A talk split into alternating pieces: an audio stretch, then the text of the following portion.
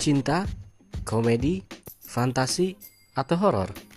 Apa pun itu, kami akan jadi teman cerita lo. Podcast Buaya Cerita adalah podcast yang akan bawa lo masuk ke dalam cerita lewat audio dari narasumbernya langsung. Mau cerita bareng buaya? Bisa banget. Cari tempat yang lumayan sunyi dan rekam cerita lo di voice recorder handphone.